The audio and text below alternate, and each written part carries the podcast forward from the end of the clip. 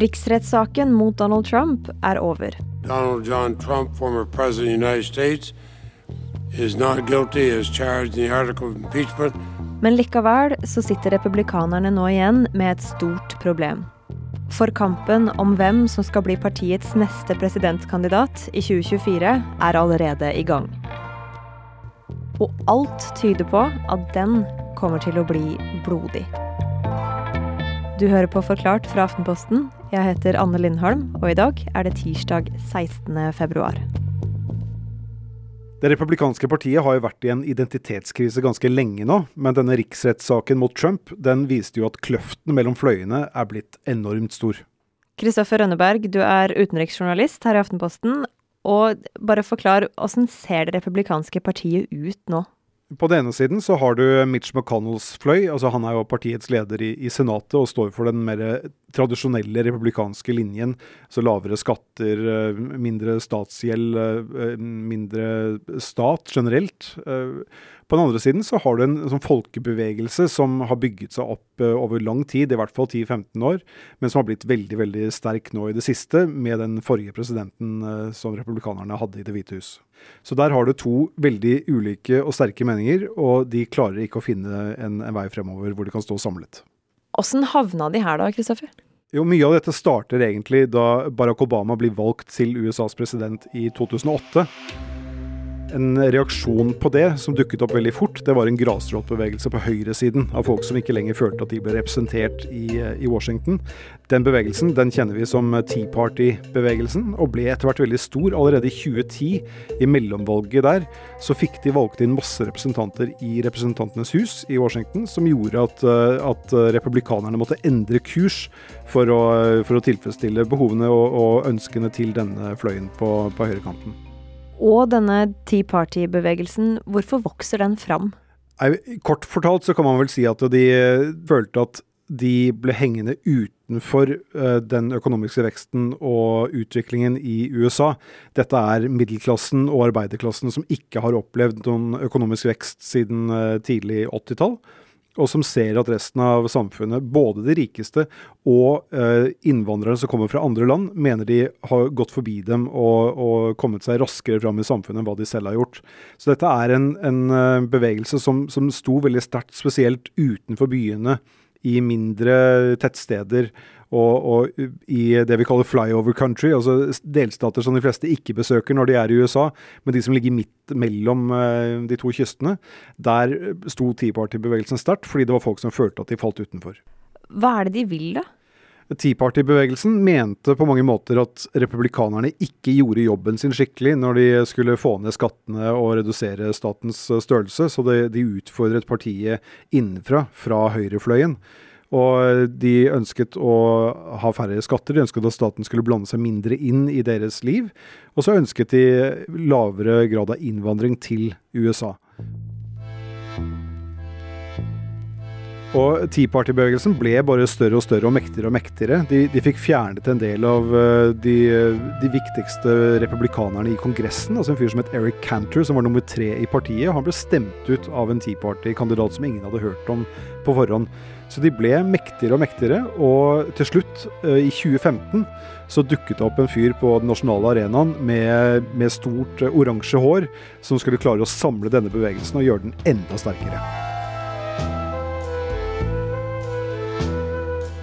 For i juni det året har Donald Trump invitert alle journalistene i New York til Trump Tower med en viktig beskjed.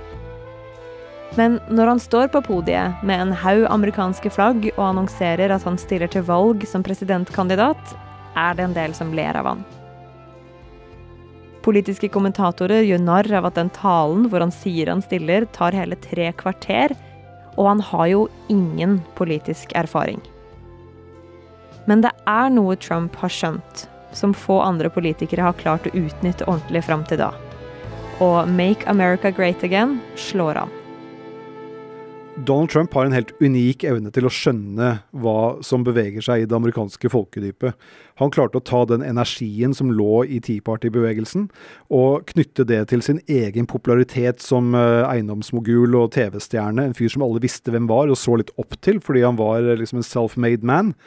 Så da han dukket opp i juni 2015, tok den rulletrappen ned i Trump Tower i New York og begynte å fortelle om eh, hvordan eh, meksikanere var voldtektsmenn og forbrytere, så talte han direkte til denne Tea Party-bevegelsen, og nesten øyeblikkelig så hadde han blitt lederen for denne enorme bevegelsen, som hadde allerede bredt seg over hele USA.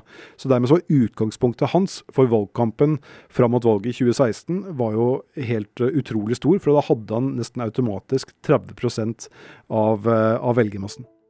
Men denne populariteten som Trump fikk så tidlig, den var jo samtidig et stort problem, kanskje til og med et mareritt for den etablerte republikanske ledelsen.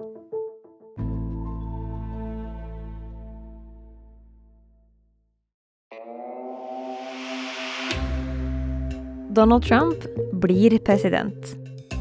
I januar 2016 så legger han hånda på bibelen som Melania Trump holder opp. So. Og måten han har klart å bruke Tea Party-bevegelsen på for å komme dit, er sentral.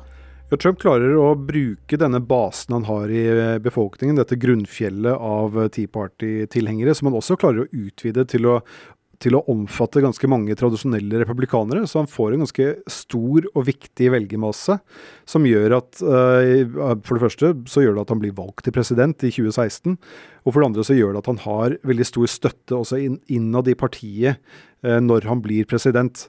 Så selv om han trekker politikken ut i en helt annen retning enn hva de tradisjonelle republikanerne skulle ønsket, altså f.eks. statsgjelden i USA har jo økt enormt uh, med Trump som president, så har partiets uh, tidligere ledelse akseptert dette her, fordi de også har sett at de har fått stemt gjennom en del av sine nominerte til, til domstolene rundt i USA, og de har fått oppnådd en del av sine ting, men da har de måttet akseptere at Trump som leder for denne høyrefløyen har også fått lov til å gjøre sine ting. Så den tradisjonelle delen av det republikanske partiet de godtar egentlig all denne veksten som Trump sørger for i den fløyen de egentlig ikke er så fan av?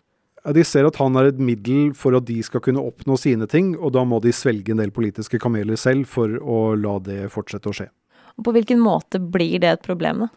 Det blir jo et problem jo lengre eh, tiden går, og jo lengre ut på høyrefløyen Trump trekker partiet.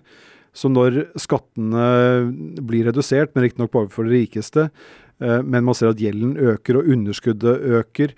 Og så ser man samtidig at de som har hengt igjen i systemet, disse i arbeiderklassen og i middelklassen, de får ikke den økonomiske veksten som de har drømt om eh, under Trump. Han oppfyller ikke alle ønskene sine, selv om han selv hevder at han har gjort det.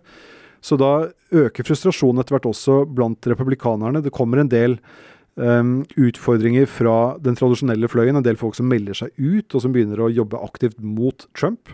Og da ser man veldig tydelige tegn til splittelse i, i partiet, som ble spesielt synlige nå i valgkampen i 2020.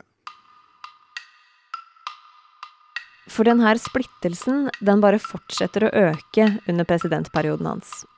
Og så, i november 2020, taper han presidentvalget, men nekter å godta det. Frankly, Og etter en høst med benektelser og en masse rettssaker for å få underkjent resultatet uten at noe endrer seg, så er det noen av følgerne hans som vil ha handling. De veiver med Trump-flagg, og folk roper om å henge visepresidenten mens de stormer den amerikanske kongressen. Og dette blir dråpen for mange republikanske velgere som har holdt ut med trumpismen fram til nå. Så for mange republikanere som hadde liksom vendt uh, det blinde øyet til det Trump hadde sagt, så klarte de ikke å gjøre det lenger, for nå ble det plutselig blodig alvor. Og det har vi sett på flere måter, at uh, folk har meldt seg ut av partiet. Uh, I Colorado f.eks. har 4500 mennesker meldt seg ut av det republikanske partiet siden stormingen. Vi, vi, har sett det i form av at uh, store selskaper har sluttet å sponse partiet med penger. I hvert fall de uh, representantene som sa at de var enig med Trump i at valgresultatet ikke var gyldig. Så man ser utfordringer fra mange kanter av samfunnet mot denne bevegelsen, som tidligere var helt, uh, helt umulig å, å, få has på, fordi Trump var så sterk. Men nå som han er ute av bildet, så, så er de sprekkene mye synligere. Og det er, det er helt uh, oppe i det blå og umulig å si hvor sterkt uh, den gamle Tea Party-bevegelsen, og altså Trump-fløyen av partiet, står nå. Og etter kongressstorminga så blir det jo riksrettssak. Trump, den tidligere republikanske presidenten, blir ikke dømt, og han kan stille til valget igjen. Og det skulle jo bety godt nytt for det republikanske partiet. Men med riksrettssaken så har jo problemet med Trump blitt ganske synlig, har det ikke? Det har blitt veldig synlig, og du har nok helt rett i at uh, hans sjanse for å bli valgt igjen hvis han skulle stille i 2024, var sterkere før enn hva de er akkurat nå fordi eh, så mange reagerte på det som skjedde i Kongressen 6.1. Men også nå fordi man har opplevd noen uker, eh, snart en måned, uten Trump. Og han har jo nesten ikke vist seg offentlig der han har vært nede i Mar-a-Lago på, på, landstedet sitt i, i, Florida. Så det har vært mulig nå å liksom forestille seg en virkelighet, en politisk virkelighet uten Donald Trump. Og det tror jeg mange republikanske ledere spesielt syns er eh, komfortabelt, nå som han har skygget for solen i så lang tid. Så vi ser allerede tegn til en del republikanske ledere som tidligere har stått veldig tydelig ved Trumps side, som nå tar et kraftig oppgjør med ham. Så nå starter egentlig kampen allerede om presidentvalget i 2024, med interne eh, maktkamper mellom republikanske ledere. Den kampen kommer til å bli skikkelig brutal. Brutal åssen da? Trump har jo, I henhold til Grunnloven så har han jo rett til å stille en gang til, for han har sittet i fire år. Han har lov til å sitte i, i to presidentperioder, altså i åtte år. Så formelt sett så har han lov til å stille. Men det at Trump nå står så mye svakere enn hva han gjorde for en uh, to måneders tid siden, det, det åpner opp for andre uh, potensielle kandidater i det republikanske partiet. Ja, For i 2024 så er det jo ikke sjølsagt at Trump blir kandidaten til det republikanske partiet. Og vi aner jo heller ikke hvor mye trøbbel han kan havne i fram til da. Er, han er etterfor under etterforskning, det er flere søksmål mot han. Så hvem andre er det det kan bli, da? En vi nok skal følge spesielt godt med på, det er Nikki Haley. Tidligere FN-ambassadør, tidligere guvernør i South Carolina. For years, our jobs were going to China and Mexico. Our state was suffering. Hun har klart det veldig få andre har klart. Hun har klart å jobbe for Trump, altså som FN-ambassadør. Klart å slutte i jobben hos Trump uten at det har blitt noe drama.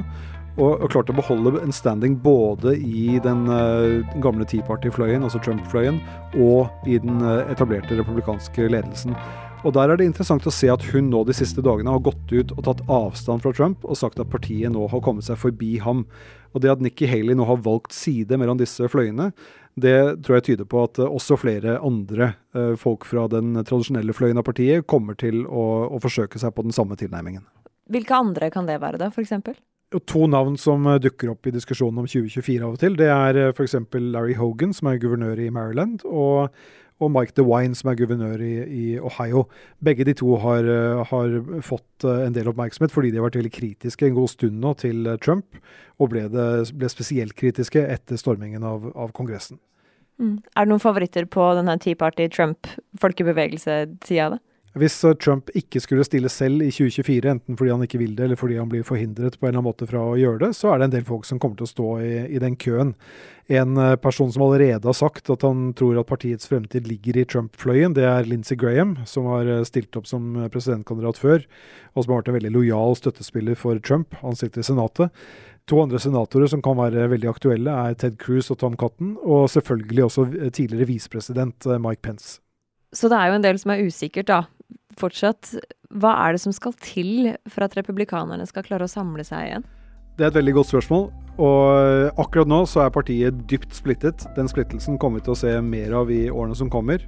Og hvem som skulle klare å lege de sårene, eller hvordan vedkommende skulle gjøre det, det blir noe som blir veldig, veldig spennende å følge med på.